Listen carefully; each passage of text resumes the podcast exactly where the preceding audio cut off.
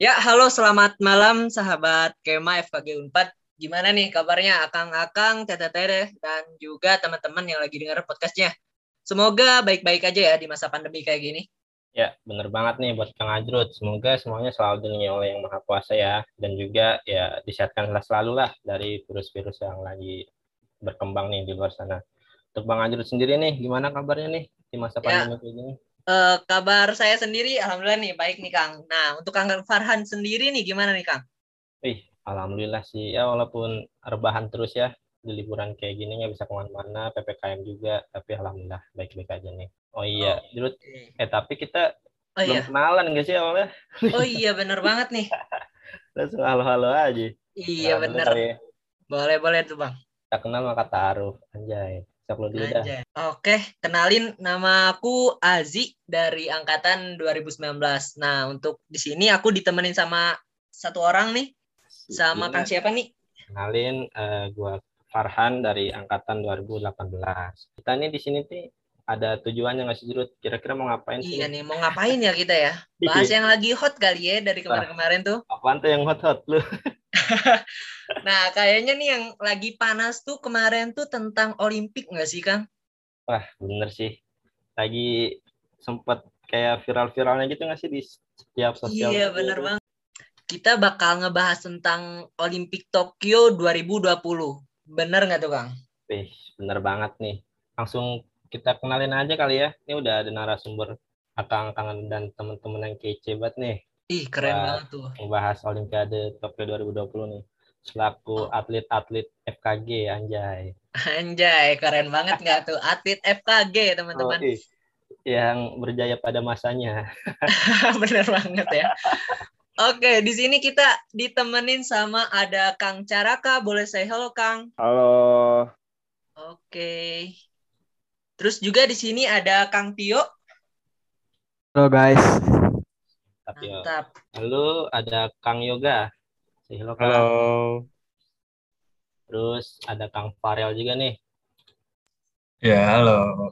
Oke, selain Kang Farel di sini kita ada Kang Sandi Yo, halo halo semua. dan juga ada Kang Mamal. Keren-keren nggak tuh? Oh ya, halo, halo. Keren banget gak sih ini? Iya. Terkenal-terkenal lah ya di CFKG Raya. Asik. Oke lah, ini awal kayaknya kita bahas cabur yang seru-seru dulu kali ya Jrut.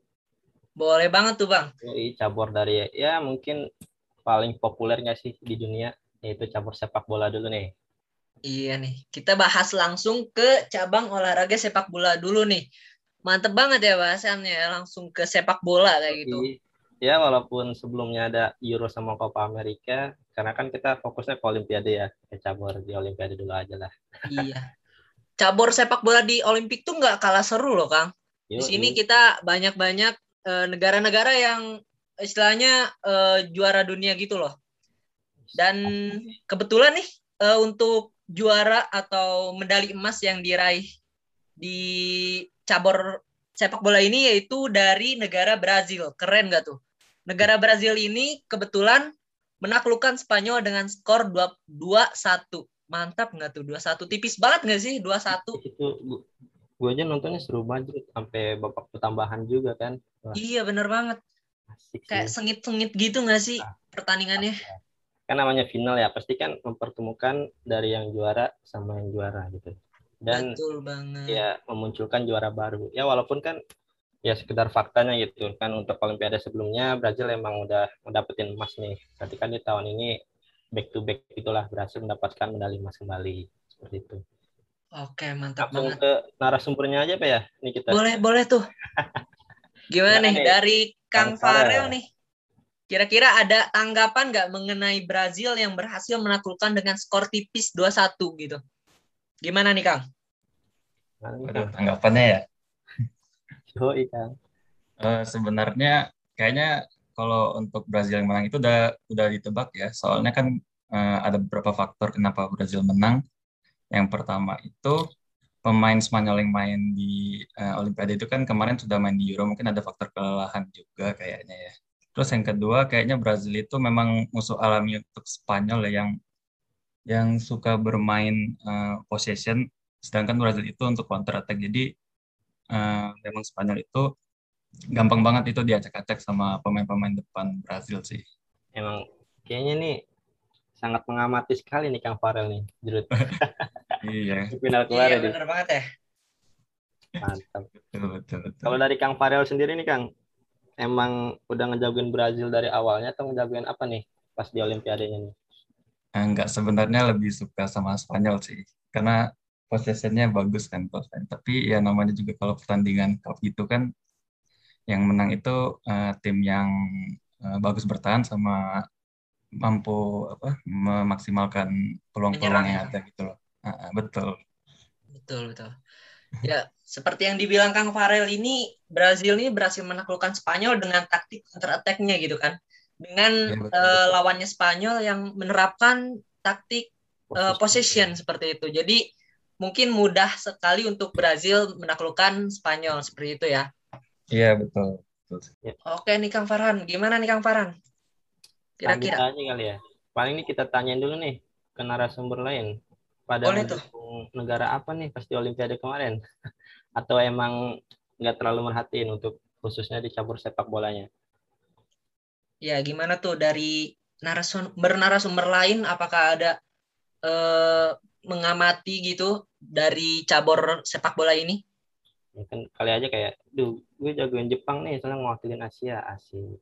Iya benar gue juga waktu itu kayak nge apa ya lu tahu ini gak sih bang? Anim okay. animnya Subasa? Iya tahu tahu. Yang ya, finalnya mau... itu antara Subasa eh antara Jepang ya sorry lawan apa sih namanya Brazil ya? Iya Nah, gue tuh pengennya tuh Jepang maju ke final gitu, tapi ya Jepang ternyata kalah teman-teman di semifinal. Spanyol satu kekalahannya juga. Iya, benar banget. Tapi fakta yang menarik di semifinal Olimpiade ini cukup menarik juga, Jurut. oh gitu. Iya, di di empat negara yang masuk ke semifinal ini mereka kayak mewakili staf federasinya gitu. Kan kalau Brazil dia uh, mewakili Federasi CONMEBOL kan. Terus Oh iya ya, Amerika Selatan ya? Iya, Meksiko ini mewakili CONCACAF, lalu Spanyol mewakili Euro, terus Jepang mewakili Asia seperti itu. Ih, keren nah, banget ya. Ya, mungkin emang mempertemukan apa ya kayak ibaratnya kiblat sepak bola lah yaitu mempertemukan CONMEBOL dan Euro gitu dan dimenangkan oleh Brazil lagi. Bener banget Kang Farhan. Seru banget ya cabur sepak bola ini. Iya, cukup seru ini cukup apa ya? Ya, kan mungkin yang digadang-gadang juara misalkan seperti Prancis ataupun Argentina tapi malah nggak lolos fase grup gitu kan itu suatu iya itu ya, gugur di fase grup ya iya makanya padahal Prancis dan Argentina ini kemarin-kemarin baru juara ya kalau iya. Prancis itu juara uh, Piala Dunia 2018 iya, dan untuk Argentina kan terdekat juara Copa America. Iya benar banget. Oke nih Kang Farhan, kira-kira kita udah dulu nih bahas sepak bolanya. Kita Gitu lanjut. ya, terketerusan nih. Iya benar banget. Kita lanjut ke bola dari bola kaki nih, kita pindah ke bola tangan nih, Yo, yaitu iya. cabur volley. Keren banget gak sih cabur volley? Kan dari kaki ini udah pegel pindah ke tangan lah ya, bergantian. iya benar banget tuh. Oke, buat cabur volley nih, dengar-dengar tuh kemarin cabur voli uh, untuk olimpiadanya ini yang dapat emas tuh Prancis nih bang. Nah terus uh, Prancis ini uh, mendapat emas uh, di final dengan mengalahkan Rusia dan faktanya juga Prancis ini mendapatkan medali emas pertamanya nih sepanjang sejarah mereka untuk mengikuti Olimpiade. Nah menurut Bang Yoga nih, Bang gimana Bang? Selaku narasumber dari Bang uh, dari cabur voli nih tentang Prancis yang mendapatkan medali emas pertamanya nih di Olimpiade tahun ini. Gimana Bang? Yang pasti sih good job ya. Selamat buat Prancis lebih iya. lebih kan ini medali pertama buat mereka ya. Dan di final pun pertarungannya sengit banget, ketat banget kayak pertarungan masuk unpad ketat banget gitu kan. Sampai 3-2 kan skor akhirnya, tapi ternyata emang pas final kemarin Prancis yang lebih siap sih ya. Jadi mungkin mereka juga nothing tulus gitu ya ketika main uh, ditambah kan mereka nggak pernah dapat medali jadi kayak mungkin itu salah satu yang bikin mereka main lebih lepas. Harus bisa nih dapat medali, medali emas gitu ya Kang ya. iya, kalau misalkan negara lain yang udah sering. Mm, kalau ada yang sering kan mungkin jadi beban gitu ya. Iya, bos ya harus ada juara baru gitu ya Kang ya. Iya. Oh, keren, keren banget ya. Oh ya, untuk uh, kategorinya tuh kalau nggak salah yang Prancis menang tuh kategori putranya ya Kang Farhan ya? Iya, betul putranya. Oke, okay. untuk kategori putrinya kalau nggak salah di sini dapat info kalau yang juara itu dari Amerika Serikat. Terus dilanjut juara duanya itu ada dari Brazil dan juara tiganya dari Serbia. Keren banget nggak tuh didominasi oleh benua Amerika gitu, Amerika Serikat dan juga Brazil. Oke, mantap banget ya. Ini, ini lanjut aja kali ya Jerut ya. Boleh banget. Poli, poli lagi nih. Ada yang mau dibahas lagi nggak? Gimana tuh? Dari narsum lain apakah ada tanggapan gitu mengenai cabang olahraga dari volley ini? Ya, misalkan kan cabur volley ini eh, ada kayak kategori untuk putra dan juga putrinya gitu, pria ataupun wanitanya. Nah, kira kalau misalkan menurut Bang Ajrut sendiri ataupun narasumber lain nih, lebih seru mana nih kira-kira nih mau nonton volley putra atau volley putrinya nih? Soalnya kan ya mungkin keseruan orang beda-beda gitu kan entah dari teknik bermain pola putra yang berbeda dengan putri ataupun sebagainya. Gimana Oke, gimana tuh? Kalau gue sih lebih tertarik ke putra kali ya, karena uh, skill-skillnya tuh benar-benar kelihatan gitu. Kalau tapi nggak menutup kemungkinan kalau putri itu tetap bagus juga Kang Farhan nih. Iya, putri kan itu kayak gue juga sempat nonton kan, oh itu kayaknya otot-otot yang putri juga keker-keker gitu juga. Iya bener banget ya. Kita juga kalah nih kali iya, ya. Kayak lo ya kesemes bola sekali mental kayak jeruk. iya serem-serem gak sih yang putrinya pada iya, tinggi kayak... juga gitu kan? Iya aduh. Oke. Okay. Okay. Kalau aku suka nonton yang putri. Nah gimana nah, tuh Kang? Kenapa gimana tuh Kang cara Kang? Soalnya lebih enak ditontonnya. Lebih kayak kalau putra kan kayak cepet banget gitu kan diikutin bolanya. Kalau yang putri itu kayak lebih ada ada kelihatan bolanya gitu. Temponya kali ya Kang ya. Iya. Mungkin kalau nggak kelihatan bolanya itu lagi merem kali ya, Cak, nonton. kelihatan bolanya. Bolanya mungkin lagi out sih kayaknya nggak kelihatan gitu kan. Iya sih kayaknya ya. Oke, oke. Keren-keren. Ya. juga cantik-cantik, enak dilihatnya. iya, bener banget ya Kang ya. Ada yang sempat viral juga kan ya Kang ya? Iya. Apa tuh? Ah. Pemain dari mana tuh yang seru-seru kayak gitu? Ah, lu pura-pura nggak tahu lu Jerut. Aduh. Biasanya emang Amerika sih OP banget ya kemarin. Iya bener. Amerika tinggi-tinggi banget. Gak sih bang? Iya dari dari yang sebelumnya kan juga ada kecaw ada apa kayak pertandingan antar negara juga tapi dia juga yang juara ketemu juga sama Brazil kebetulan. Oh. Kayaknya Liga gitu dari tahun depan Amerika nggak usah ikut nih Kang. Iya. iya nih. Eh, enggak. Di, di band kali ya, dia, di band. Itu juga baru emas pertama kalau nggak salah. Oh, baru emas pertama. Oh, berarti oh, baru emas pertama nih. Soalnya yang kayak 2012 dapatnya kayak perunggu, terus sebelumnya dapatnya eh 2016 perunggu, 2012 silver, kayak sekarang gantian dapat emas gitu kan. Baik. Jadi dapat semuanya lah ya. Iya, kan Brazil Dari... kan udah sering, udah dua kali gantian sekarang sama Amerika. Iya nih, kayaknya Brazil aja nggak sih yang di band gitu kan iya. udah juara mulu nih Brazil iya di sepak bola juara ya kali di volley juara juga gitu kan. Iya benar banget. Oke bentar. Ini kayak okay, cara emang paham bener ya volley putri ini. Keren keren ya. Iya ya suka sih nonton kalau volley putri. Ya, iya. kalau yang putra jarang sih jarang nonton. Iya, kadang ketinggalan kali ya, ketinggalan jadwal mungkin bisa jadi ya. Oke nih Kang Farhan, kita lanjut kali ya. Lanjut aja kali ya. Bahasan cabur selanjutnya. Yo, lanjut aja nih Jurut. Kayaknya Boleh. Mas Andi juga udah nggak sabar nih buat bahas cabur menembak nih. Jujur kan kayak dari diri gue sendiri juga kayak asing gak sih cabur menembak tuh apa? Kayak, Iya bener banget kayak hmm. jarang gitu loh iya, didengar kayak, oleh teman-teman Kema kan, kali ya orang-orang kayak mungkin ya sepak bola voli ya cukup familiar lah ya kan kalau menembak ini mungkin emang betul betul kayak cukup asing gitu terdengar nah mungkin dari Kang Sandi sendiri nih bisa jelasin nih buat cabur menembak ini gimana sih Kang maksudnya kayak asal nembak kah atau ada target yang harus ditembak nih Kang? Iya iya iya. Oke oke, makasih ya atas waktunya sebelumnya. Uh, jadi uh, sebenarnya men istilah menembak itu uh, pasti istilah umum ya. Semua udah pada tahu kan. Tapi pada bingung yang ditembak apa.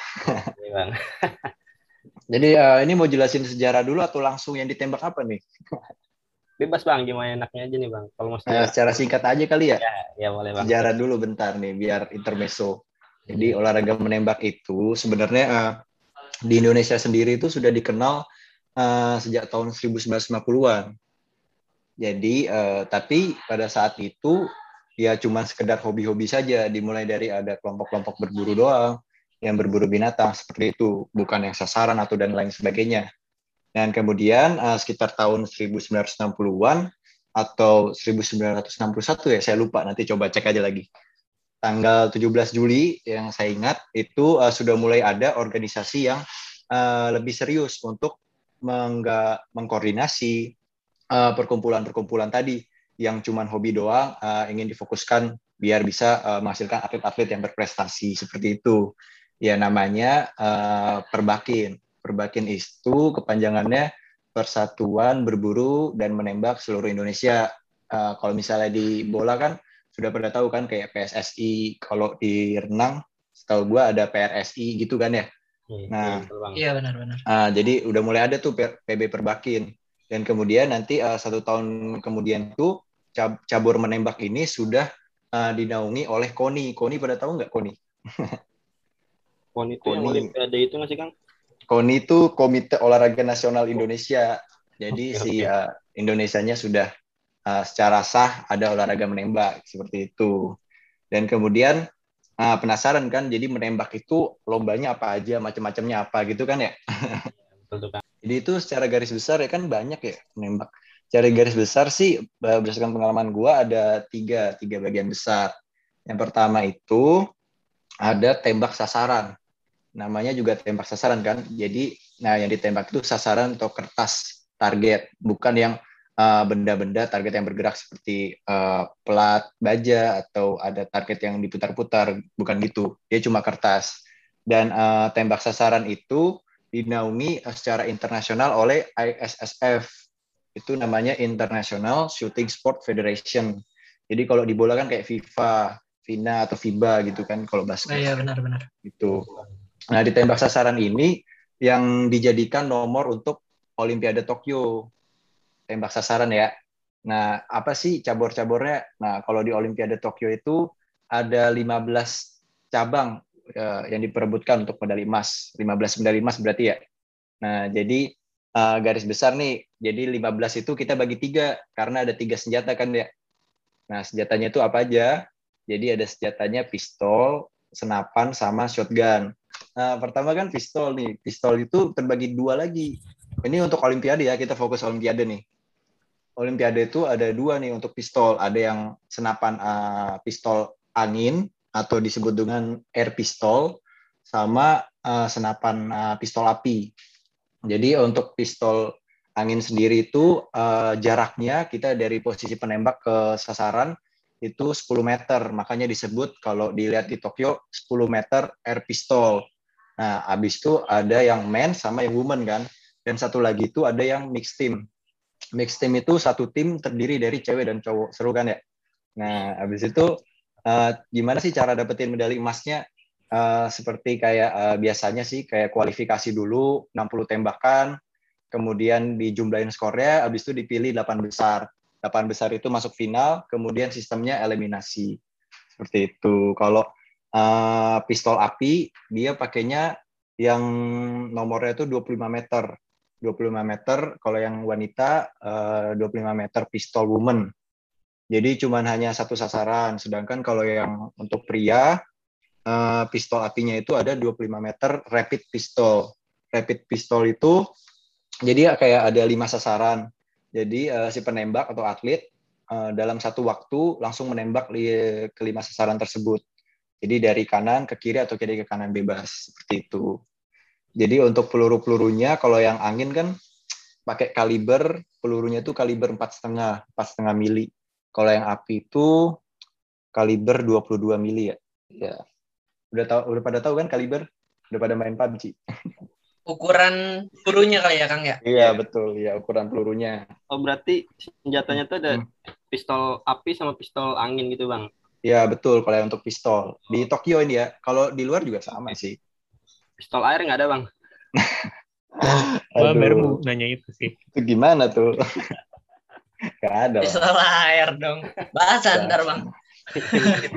Pistol aja. Ayo lanjut kan? Lanjut ya. Boleh boleh bang. Lanjut itu lanjut. kan Bang. pistol kan jadi ada ti- ada lima nomor kan tadi sudah disebutin. Habis itu selanjutnya ada rifle itu senapan. Senapan juga sama kayak uh, pistol ada angin sama api. Uh, nomornya juga sama kecuali kalau untuk yang api. Kalau yang api itu dia ada 50 meter jaraknya. Kalau yang angin tetap 10 meter, kalau yang rifle 50 meter. Dia ada yang 50 meter three position namanya. Three position itu apa? Jadi eh, satu posisi 40 tembakan itu dia posisinya pertama prone. Prone. Prone tahu kan? Akurat. Tahu tahu tahu. dia. Betul, bang. Kemudian eh, posisi berikutnya namanya kneeling atau disebut dengan eh, apa sih? Berlutut ya, berlutut. Iya berlutut. Nah, kemudian ada terakhir standing, berdiri. Jadi eh, sudah serinya eh, udah didapatkan setiap serinya skornya baru dijumlahin seperti itu. Sistemnya sama, kualifikasi habis itu final 8 besar. Kemudian ada shotgun. Shotgun ini saya juga kurang tahu ya gue. Ada pokoknya ada trap sama scat. So, kayaknya sih udah pada dengar belum kalau shotgun lombanya gimana? Kayak eh, ada benda tuh eh, benda kiri dan kanan ada mesin kan. Habis itu dilempar sasarannya ke atas. Kayak bahannya tanah liat gitu. Habis itu si atletnya nembak. Ada dua, dua peluru kan, dua kesempatan. Habis itu ditembakin, kalau pecah-pecah dua-duanya dapat skor dan seterusnya gitu. Udah pada lihat belum? Oh, nembak benda yang terbang itu yang dilempar Iya. gitu ya Kang ya? Iya, bendanya tuh kayak apa ya? Kayak mirip burung merpati lah, burung merpati terbang, tapi itu dari tanah liat. Kayak gitu. Berarti lebih sulit ya kalau yang shotgun kayak gitu ya Kang ya? Oh iya, kecepatan dan keakuratan sih itu. Benar banget. Lebih sulit. Di Indonesia juga tahu ya, kayaknya belum sih. Baru rifle sama pistol yang sudah banyak peminatnya. Itu deh. Sekilas kalau menembak. Panjang ya? Iya, kayak lengkap Eh. juga. Lengkap banget ya. mau nanya apa deh? banget. Gak nyapa deh. Itu kagak ngantuk lu jerut. Iya, untung kagak ngantuk. Tapi pas banget ya informasinya tuh benar-benar langsung nangkep gitu loh. Yang tadinya kita kayak eh, belum tahu nih menembak tuh apa aja, ternyata banyak Hmm. banget ya cabang-cabangnya dan juga kategori-kategorinya juga banyak banget nih Kang. Iya, dan untuk sebenarnya olahraga nembak ini sudah ada uh, di Olimpiade sebelum-sebelumnya juga yang saya sebut, uh, yang gue sebutin ada nomor-nomor tadi. Tapi khusus untuk tembak sasaran, kalau tembak reaksi sama berburu belum ada sih. Uh, kalau PON, SEA Games, Asian Games juga sudah ada sih olahraga shooting. Iya, Oke, mantap banget nih. iya gitu. Keren ya, penjelasannya tuh lebih jelas daripada presentasi tutor katanya nih. Aduh, Kalau ada panjangan waktu, ya. Sorry, sorry, sorry. Jadi lama. ya, Bang Sandi Jadi jadi lama. Ya, kalau interesting bisa join lah. Iya, iya. Iya, benar banget banget. di Oke. FKG nggak ada yang nembak. Iya nih. Kalau teman-teman Kema kali ya ada yang mena apa tertarik untuk ikutan Ya, eh, cabang Boleh. olahraga menembak, boleh banget Ayo, yoga, yoga. Sandi kali ya. pistol gue nganggur satu, bisa bikin tim. Tuh, Mau ikutan yoga. banget, benar. Mau ikutan tapi semua punya lem tembak. Lem tembak. Gimana ya? Tadi pistol santai, air sekarang lem tembak. Iya, nanti Yang Betul, penting betul, niatnya betul. dulu, niatnya dulu. Nanti kita Iya. belajar dulu lah, santai. Iya, nggak apa-apa. Bisa kali ya pakai lem tembak gitu kan. Nggak Bisa bisa lah. yang ditembaknya tantung sih jatuhnya. Aduh, lem tembak. Iya, Oke. bener. Iya, iya. Ya, gimana, gimana? Ini paling kan Hmm. Indonesia juga dengar-dengar mengirim delegasinya nih Kang di cabur Ya. Kalau menurut Hmm. Sandi gimana nih Kang kayak prestasi dari Indonesia? Apakah udah cukup atau masih ada yang harus dikembangin gitu? Iya, betul, betul. Eh, sebelumnya memang sudah ada apa? Ada delegasi ya? Yang Iya, untuk betul. cabur menembak di Tokyo. Satu Iya. orang kan ya? Namanya itu si Vidya Rafika Toyiba. Itu teman gua sebenarnya. Manggil ada sih sikatnya si Vika. Nah, si Vika itu Iya, eh, iya benar sih. dia- Vika. Heeh. hebatnya sih dia kelahiran tahun 2001. Vika siapa yuk? Kenapa? Kenapa Ya, kan? kayaknya Kang Yoga kenal juga kan? Iya, Beda. si Vika apa itu kan ya. Heeh. Yang mana? yang kemarin ke Tokyo kan? Iya betul. Iya betul, benar iya. benar Tokyo bang kan Ya kan Olimpiade. Olimpiadenya Tokyo, bukan Cibinong. Iya bener banget. Aduh. Oke. Iya. Kalau dibilang apa tadi memuaskan atau apa? Kalau dibilang membanggakan, pasti membanggakan karena si uh, Vika ini, gue sebutnya nama singkatnya aja. Eh, si Vika ini uh, merupakan salah satu uh, satu-satunya atlet pertama uh, dari Indonesia yang bisa masuk ke Olimpiade. Olimpiade. Eh, ini Iya. kayaknya lengkap banget nih. Iya, Kayak seru banget gak sih bahas dari cabur menembak ini Kang Farhan? Seru banget. Hmm. Kayak tiga SKS di sini cerut kita dengerin. 3 SKS. Aduh, iya banyak. Iya. Oke. Jadi Jadi ada paham banget ya, kan? jangan lupa. Kita lanjut ke cabur yang basah-basah nih Kang Farhan. Kira-kira apa apa, nih? Habis nembak langsung basah-basah. Apa tuh? Iya nih, langsung basah-basahan nih abis tembak. Kita lanjut ke cabur yang menggunakan kolam renang kayak gitu. Yo. Iya. Ya, eh, Iyalah, cabur kolam apa tuh? Ya, ya kali kalau ikan jerut. Iya, emang kali mau mancing. Oke, Maksudnya kita ya- kita lanjut kali ya ke cabur renang. Iya, Dari narasumbernya nih, kira-kira dari eh, cabur renang ini Indonesia mewakilinya tuh eh, gimana nih? Perwakilan dari Indonesia itu kayak gimana nih kira-kira? Eh, izin masuk ya teman-teman buat uh, pembawanya uh, makasih banget. Sebelumnya kalau dari Indonesia sih ada eh, dua orang ya, satu cewek dan eh, satu cowok. Cuma memang kalau bisa dikatakan bersaing dengan negara-negara eh, powerhouse kayak powerhouse kayak eh, US, mungkin Prancis, Italia mungkin ataupun Cina eh, masih terlalu jauh ya. Jadi eh, bisa dibilang Indonesia gugur di uh, penyisihan. Jadi uh, dua dari Indonesia nggak masuk ke uh, babak final gitu sih kalau dari Indonesia. Oke, dilihat-lihat nih kalau nggak salah ya eh, pemenang medali terbanyak itu ada dari negara Amerika Serikat nih. Kira-kira Betul. tanggapannya gimana tuh untuk Kang Mama? Kalau reaction terhadap Amerika uh, apa namanya medali terbanyak sih pasti nggak kaget ya. Apalagi kalau memang ngikutin renang mulai dari uh, Olimpiade tahun 2000 Sydney, Athens 2004, Japan, Beijing 12, uh, London, Rio itu semua semua orang tahu lah ya. Emang pernah dari uh, Amerika itu kayak jago lah, apalagi kayak kita ngomongnya perenang terbaik uh, of all time itu kan Michael Phelps ya dari Amerika. Jadi kayak emang gak kaget sih sebenarnya dan regenerasi dari dari Amerika sendiri sih bagus-bagus, bagus banget uh, dibandingkan dengan uh, negara-negara lain. Bahkan bisa dibilang regenerasinya beberapa tahun terakhir nih uh, kuat banget ya kompetitifnya. Uh, misalnya kayak tahun 2016 Olimpiade Rio kemarin itu misalnya kita ambil contoh dari uh, 100 meter berenang gaya dada itu Cody Miller dari Amerika. Dia dapat uh, medali silver dapat juara dua. Tapi di Olimpiade Tokyo dia malah nggak masuk tim USA sama sekali. Padahal Olimpiade sebelumnya dia juara dua. Itu kan berarti apa namanya regenerasi atletnya kuat banget ya. Yang muda-muda ini bisa dikatakan gila gitu porsi latihan. Banyak ini kali ya kader-kader, eh, kok kader sih kayak penerus-penerus gitu kan dari kaum-kaum mudanya yang benar-benar ikutan Olimpiade ini gitu kan.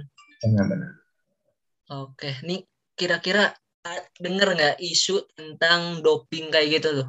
Kalau nggak salah kemarin tuh di Olimpiade tuh ada isu tentang peserta eh, atau yang ikut atlet yang ikut memakai doping kayak gitu. Menurut Kang Mamal gimana? Hmm. Kalau sebenarnya isu doping sudah lama ya, karena kasusnya sebelum Olimpiade Tokyo juga di Rio itu ada yang eh, ketahuan ya, Sun Yang tenang dari eh, Cina, dia pakai doping, dia pakai namanya eh, trimetazidin gitu, dia buat eh, memperlambat metabolisme, jadi kayak penyerapan oksigennya diperlambat, jadi nggak nggak gampang capek ya. Apalagi eh, Sun Yang ini tipenya dia perenang jarak jauh, dia spesialis di dari 200 meter, 400 meter, 800 meter, dan 1500. Jadi kan logik ya, butuh oksigennya banyak banget, dan dia ketahuan pakai doping. Jadi dia di ban dari Olimpiade sampai tahun 2022, 2023, dan bisa ikut Olimpiade lagi di 2024 di Paris nanti. Jadi sebenarnya uh, isu doping ini bukan bukan hal yang tabu ya sebenarnya di uh, dalam renang um, maaf di seluruh kompetisi olahraga sih isu doping sebenarnya udah melekat ya. Apalagi kayak uh, orang gampang naruh curiga kayak misalnya kita nggak tahu dia siapa tiba-tiba uh, apa mencari rekor dunia atau gimana pasti ada kecurigaan kan.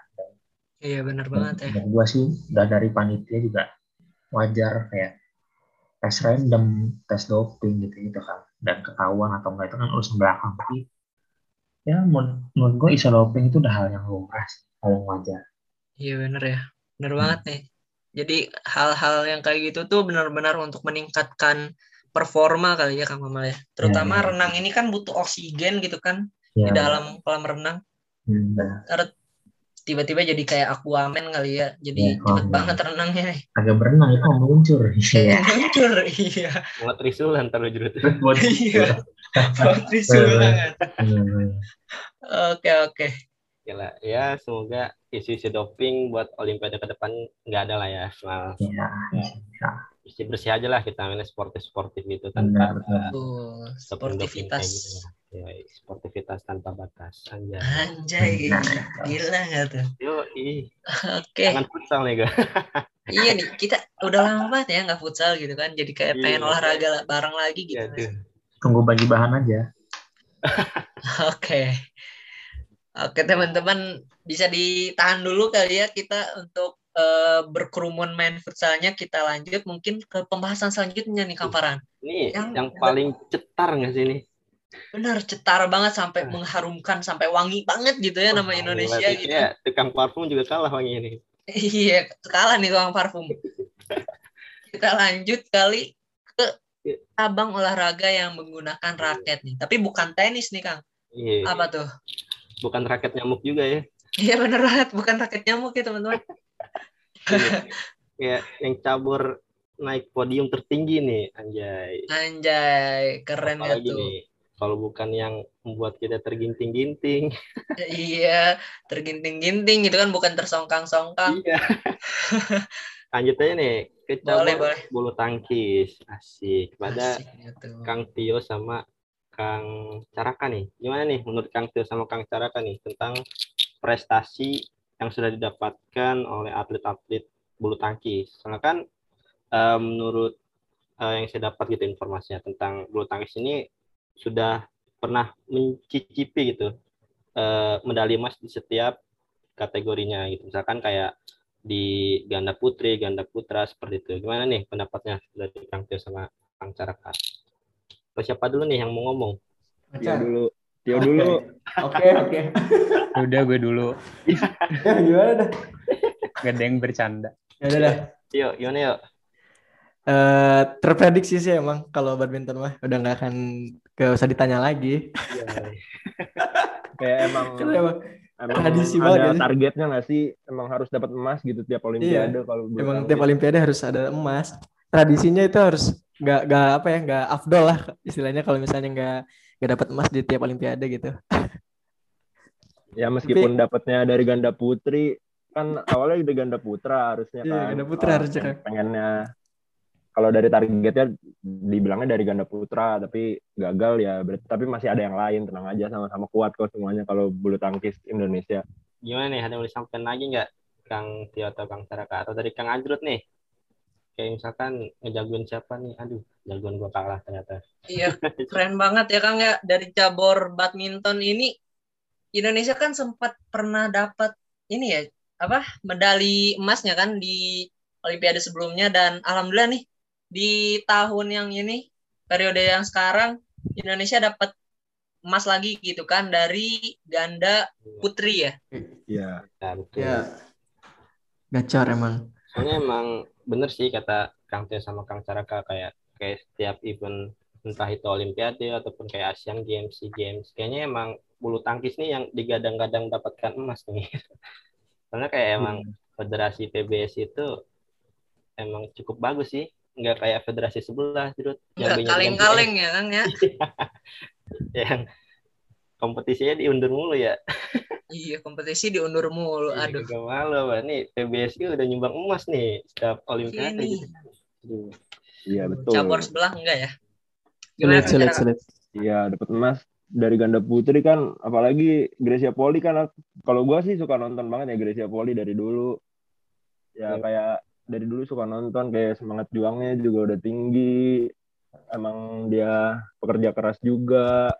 Jadi ya emang ya wajar lah dia kalau dia dapat emas gitu kan dari dulu 2012 juga udah sempat kena kasus kan yang dis- didiskualifikasi itu.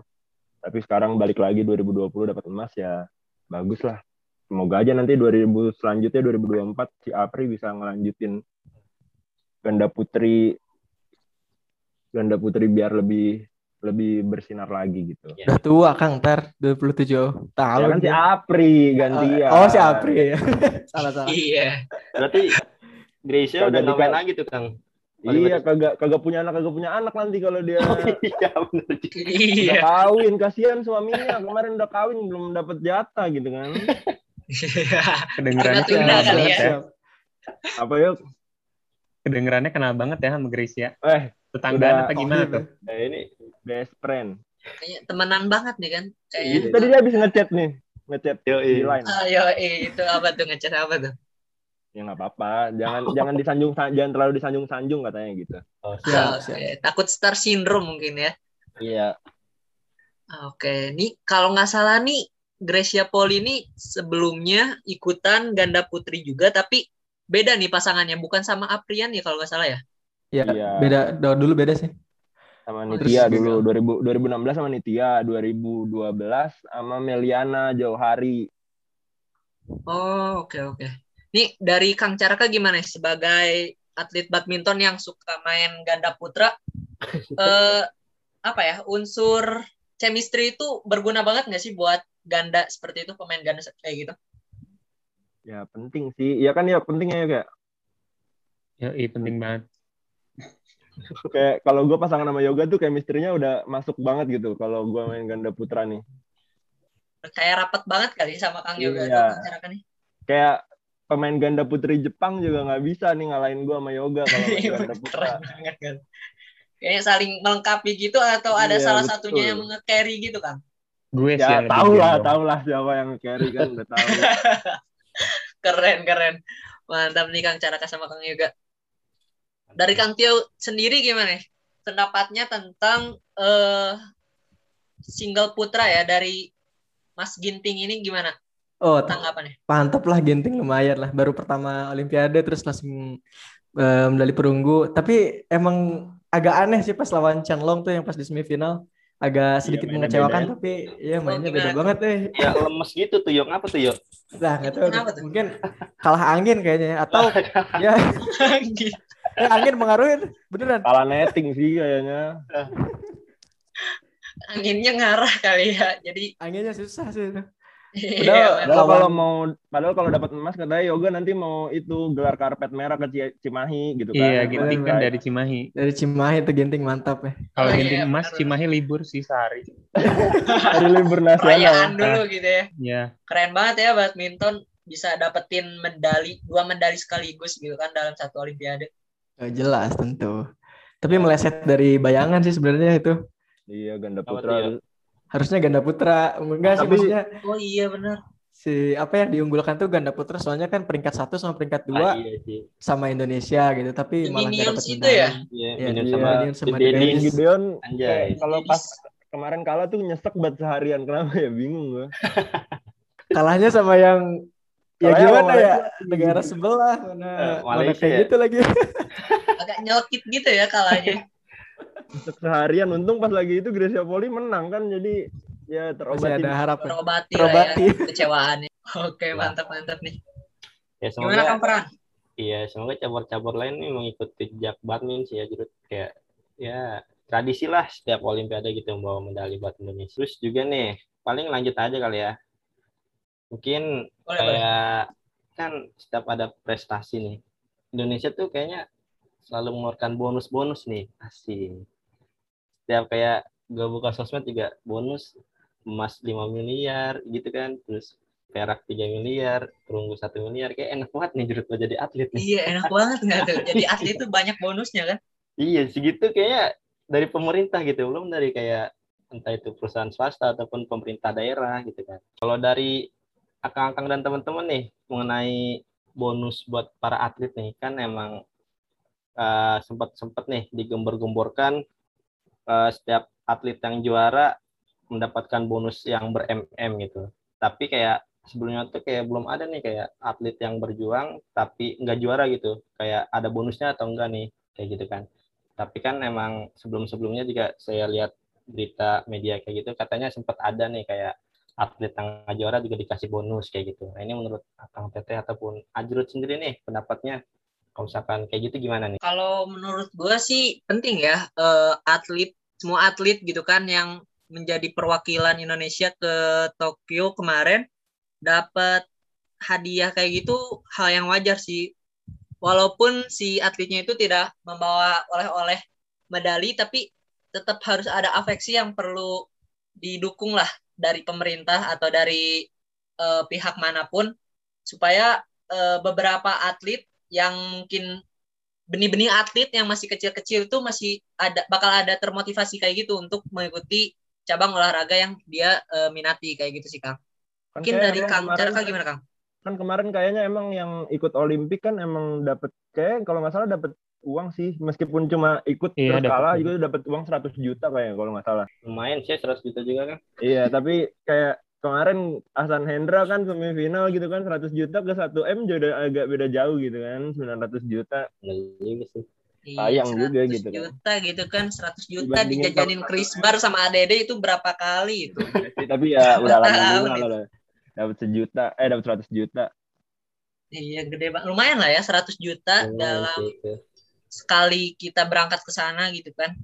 Iya, apalagi yang juara 5M, terus dari iya, banyak dapat saham apa dari Arif Muhammad, dapat oh, iya, rumah, dapat bakso aci, dapat bakso aci, bakso aci akang gitu kan, dapat ST,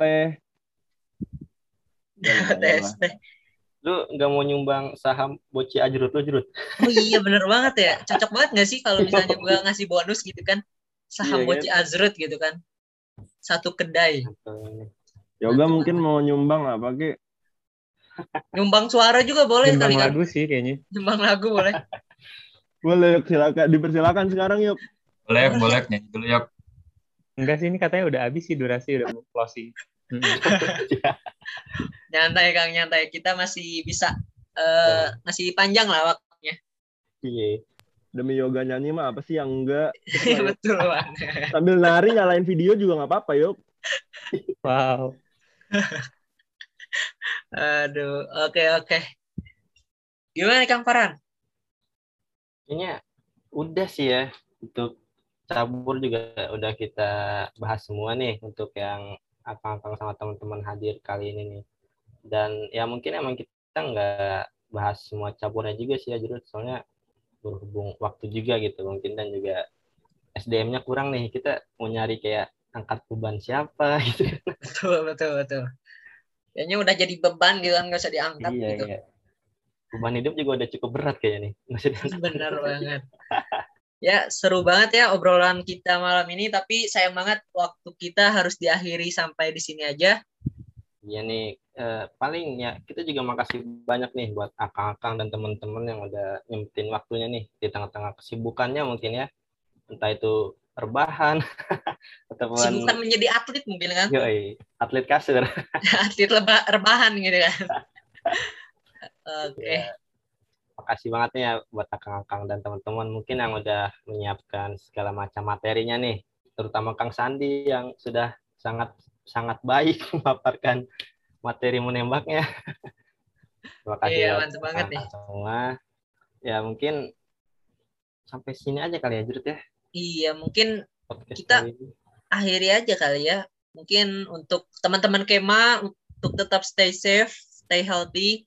Jangan keluar-keluar dulu ya, tetap stay at home dulu. Kita lagi PPKM, entah kapan ini bakal diperpanjang atau enggak gitu kan, diperpanjang atau tidak diperpanjang gitu kan. Iya, makanya kan kalau mau keluar juga ke mana gitu kan Jurut kalau mau iya, makan juga banget. cuma dikasih 20 menit ya.